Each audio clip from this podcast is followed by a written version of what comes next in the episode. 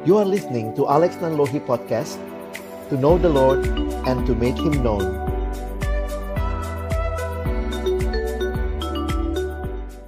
Baik, selamat malam Bapak Ibu Saudara yang dikasihi Tuhan. Saya bersyukur kepada Tuhan buat kesempatan ini.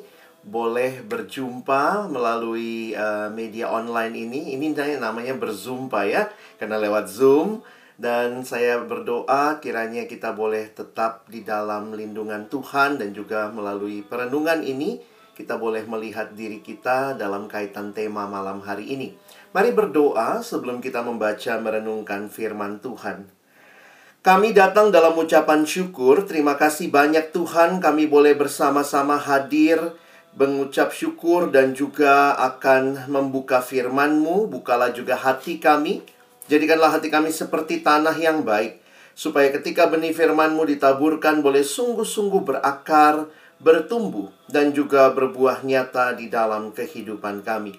Dekati hambamu yang menyampaikan, semua kami yang mendengar, Tuhan tolong agar kami bukan hanya jadi pendengar-pendengar firman yang setia, tapi mampukan dengan kuasa, dengan pertolongan dari rohmu yang kudus, kami dimampukan menjadi pelaku-pelaku firman-Mu di dalam kehidupan kami, di dalam keseharian kami. Bersabdalah ya Tuhan, kami umatmu sedia mendengarnya di dalam satu nama yang kudus dan berkuasa, nama Tuhan kami Yesus Kristus. Kami menyerahkan pemberitaan firman-Mu. Amin. Baik, Bapak Ibu Saudara yang dikasihi Tuhan, tema yang diberikan kepada kita malam hari ini adalah gereja yang bermisi. Tentunya kita tahu waktu bicara tentang gereja bukan sekadar berbicara tentang gedungnya, bukan sekadar berbicara tentang struktur kepengurusannya, tetapi bicara setiap kita yang sudah mengalami hidup yang ditebus oleh Tuhan. Bagaimana kita menjadi gereja yang tentunya baik secara individu, keluarga maupun bersama. Kita boleh melakukan misi Tuhan. Saya ingin mengajak kita merenungkan firman Tuhan di dalam Yohanes 17 ayat 15 sampai 19. Bagian ini adalah doa Tuhan Yesus bagi murid-muridnya dan bagi mereka yang akan percaya kepada murid-muridnya, yaitu tentunya gereja Tuhan kita semua saat ini. Di dalam doanya, kita perhatikan ayat yang ke-15 saya bacakan bagi kita. Aku tidak meminta supaya engkau mengambil mereka dari dunia, tetapi supaya engkau melindungi mereka daripada yang jahat. Mereka bukan dari dunia, sama seperti aku bukan dari dunia. Kuduskanlah mereka dalam kebenaran, firmanmu adalah kebenaran. Sama seperti engkau telah mengutus aku ke dalam dunia, demikian pula aku telah mengutus mereka ke dalam dunia dan aku menguduskan diriku bagi mereka supaya mereka pun dikuduskan dalam kebenaran.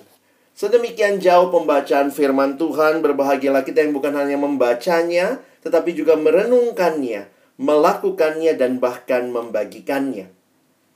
Bapak, ibu, saudara yang dikasihi Tuhan, dari doa Tuhan Yesus ini, saya ingin mengajak kita merefleksikan apa yang menjadi panggilan gereja Tuhan di dalam dunia. Kalau kita memperhatikan bagian yang saya beri warna berbeda, maka dituliskan di dalam bagian ini Yesus berkata mereka bukan dari dunia. Tetapi di ayat yang ke-18 mereka aku telah mengutus mereka ke dalam dunia. Dunia ini penuh dengan kejahatan, tetapi kuduskanlah mereka dalam kebenaran. Bapak, ibu, saudara yang dikasihi Tuhan, inilah panggilan gereja, panggilan orang percaya, panggilan kita bahwa kita ada di dalam dunia, tetapi kita tidak sama dengan dunia.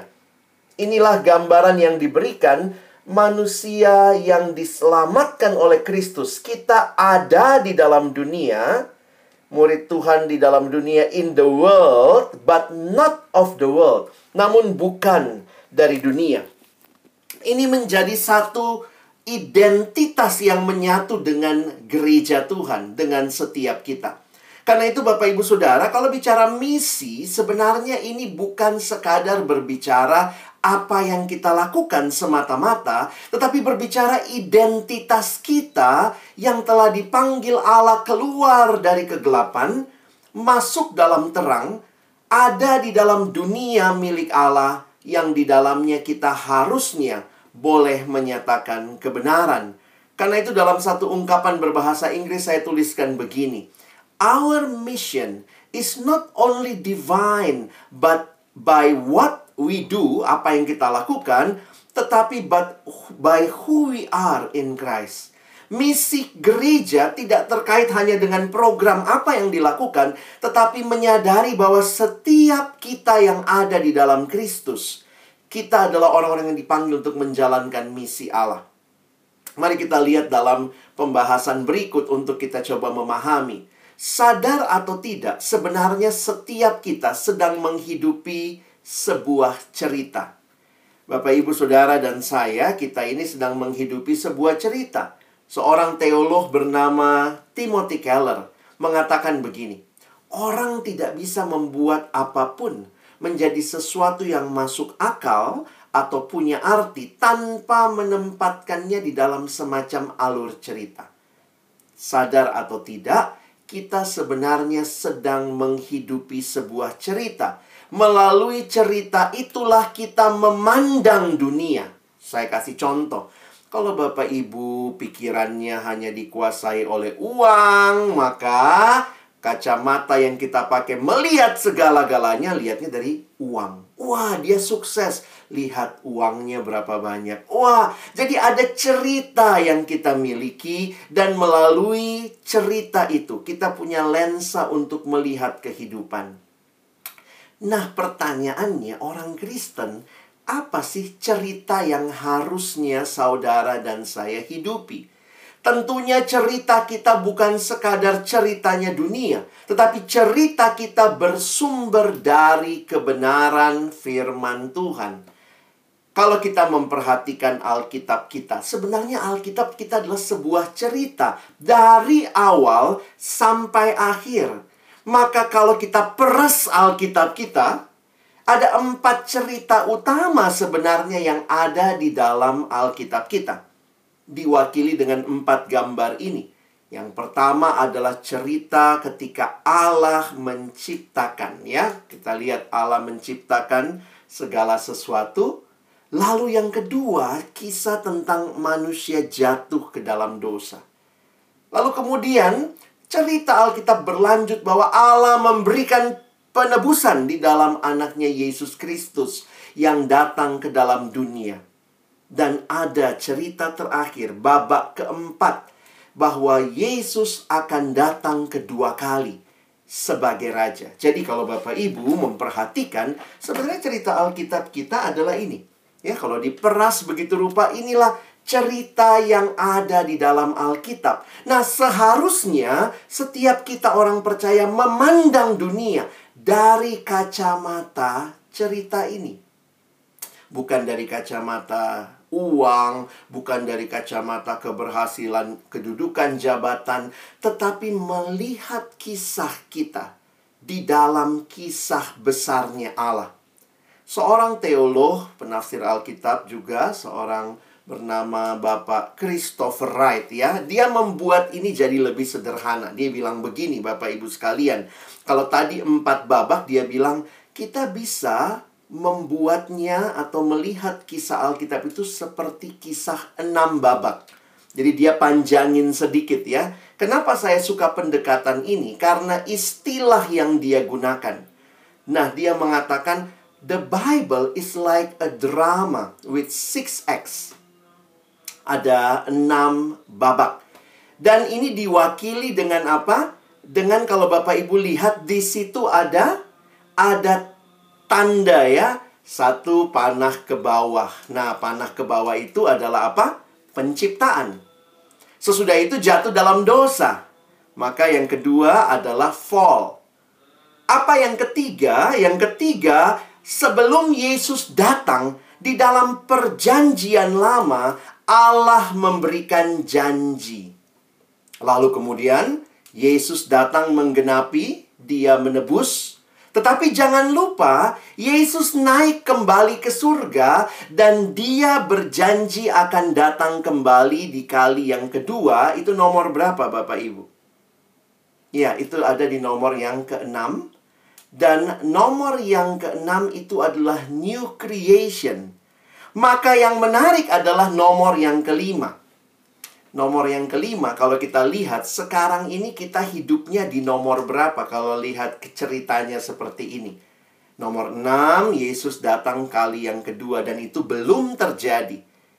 Maka Bapak, Ibu, Saudara, dan saya, kita ada di nomor 5. Maka Bapak Christopher Wright mengatakan bahwa sadar atau tidak, setiap kita orang Kristen, gereja Tuhan, We are on a mission. Kita sedang ada di dalam misi Allah. Ketika Yesus telah kembali ke surga, tetapi Dia kemudian memberikan misi kepada gereja, menunggu sampai Dia datang kedua kali. Maka we are on a mission. Kita harus menemukan di mana tempat kita di dalam misi Allah. Maka perhatikan cerita utamanya, bukan cerita kita tetapi ceritanya Allah. Makanya ini bukan misinya kita. Jangan sampai gereja lupa, gereja pikir ini misinya gereja. Tidak, tetapi ini misinya Allah. Misinya Allah yang dipercayakan kepada gereja. Maka kita dibawa masuk berpartisipasi di dalam misi Allah ini. Bapak Ibu kalau memahami misi ini sangat luar biasa karena sering kali kita pikir misi itu programnya gereja. Ada bikin program, misi pergi ke sana ke sini. Tetapi lebih jauh lagi, maka lihatlah. Ini ada dalam cerita besarnya Allah. Dialah Allah yang memiliki misi. Maka siapakah misionaris? Misionaris bukan hanya orang-orang yang pergi jauh ke tempat-tempat yang jauh, tetapi setiap orang yang sudah berjumpa dengan Yesus. Bapak Ibu adalah misionaris-misionaris kerajaan Allah. Di dalam bahasa Inggris kalimat ini sangat indah Bapak Ibu ya. Missionary is not only the one who cross the sea, but the one who see the cross. Missionary bukan hanya orang yang pergi bermisi, melintasi samudra, melewati laut, tetapi setiap orang yang sudah berjumpa dengan Kristus, kita adalah misionaris, misionaris Allah di dalam dunia. Makanya saya katakan sekali lagi bahwa misi gereja bukanlah sesuatu yang gereja lakukan saja, tetapi itu terkait dengan identitas kita yang dipanggil, diselamatkan oleh Allah dan diberikan tugas tanggung jawab. Karena itu jangan berpikir ini misinya gereja, tetapi ini misinya Allah yang dititipkan kepada gereja. Di dalam kalimat berbahasa Inggris indah sekali ungkapannya it is not the church of God that has a mission on the world, but the God of mission who has a church in the world. Bukanlah gereja Tuhan yang punya misi dalam dunia, tetapi Allah yang adalah Allah yang bermisi itu. Dialah yang memiliki gerejanya di dalam dunia. Karena itu kalau kita baca di dalam Alkitab, kita lihat sebenarnya all things ya, the Bible is actually about mission. And everything in our church should be about mission. Bapak Ibu Saudara, kita ada di nomor 5 tadi. Kita sedang ada di dalam misi. Gereja saat ini ada dalam misi. Misinya apa? Menunggu Tuhan Yesus datang kedua kali. Maka kita dipanggil seperti tadi ya, pergi, jadikanlah semua bangsa muridku. Kita dipanggil untuk membawa berita Injil ke dalam dunia di mana saudara dan saya hidup. Saya mengutip kalimat pendeta John Stott dalam bukunya Isu Global. Dia katakan kalimat ini. Dunia ini harus merupakan keprihatinan orang Kristen. Bukan saja karena ia hidup di dalamnya, melainkan juga karena orang Kristen adalah mitra kerja Allah dalam memulihkan dan membaharui dunia ini. Orang Kristen, kita punya misi di dalam dunia ini. Apa misinya yang membawa kabar sukacita itu? Tetapi bukan hanya itu. Gereja harus hadir secara utuh. Apa sumbangsi gereja dalam pergumulan dunia saat ini? Bukankah Yesus berdoa dalam doa Bapa kami? Dia mengajarkan kita berdoa, katakanlah, datanglah kerajaanmu. Yang dimaksud Yesus tentu bukan kerajaan Allah di sorga, karena di sorga dia sudah raja, melainkan kerajaan Allah di dunia ini. Apa maksudnya kerajaan Allah?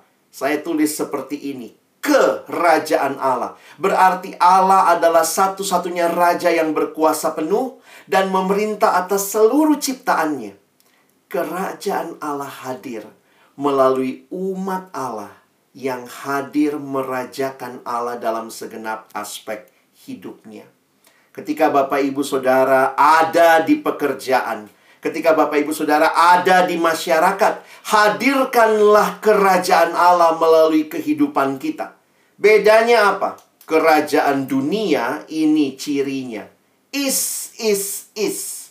Egois, pragmatis, hedonis, konsumeris, materialistis tetapi kerajaan Allah berbeda. Nilainya kebenaran, keadilan, kejujuran, kesetiaan, kebaikan, kesabaran, kemurahan, dan lain-lain. Bapak, ibu, saudara, kita dipanggil menghadirkan kerajaan Allah. Allah memanggil gerejanya untuk melayani Dia di Indonesia, bahkan di dunia. Karena itu, biarlah melalui hidup kita Injil itu bisa dinyatakan.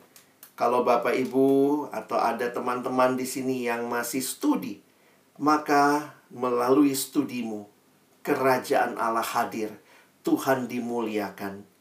Bapak Ibu Saudara melalui pekerjaan kita, Allah dimuliakan.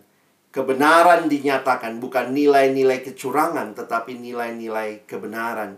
Melalui pergaulan Allah dimuliakan melalui relasi-relasi. Kalau ada yang lagi pacaran, anak muda, atau mungkin juga sampai sudah berkeluarga, kita semua sedang membawa misi Allah. Gereja yang bermisi bukan hanya program yang disetujui majelis, tetapi setiap anggota yang hadir membawa kerajaan Allah bagi kemuliaan Allah.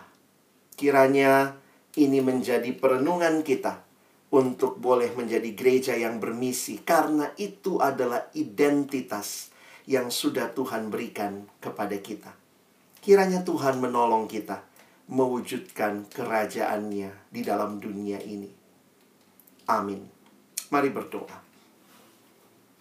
Tuhan terima kasih untuk kebenaran firman-Mu yang kembali menyegarkan hati kami. Kami mohon tolonglah kami bukan hanya jadi pendengar-pendengar yang setia, tapi boleh jadi pelaku firman-Mu. Melalui kehadiran kami, Allah boleh dimuliakan. Kerajaan Allah nilai-nilainya boleh dihadirkan. Sehingga misi bukan hanya terjadi ketika ada program, tetapi kehidupan kami yang dipanggil untuk menyaksikan kerajaan Allah menjadi kehidupan yang bermisi. Kiranya kerinduan kami menjadi gereja yang bermisi boleh Tuhan tolong. Kami bersyukur, tolong kami bukan cuma jadi pendengar firman, tapi boleh jadi pelaku-pelaku firman-Mu. Dalam nama Yesus kami bersyukur, kami berdoa. Amin.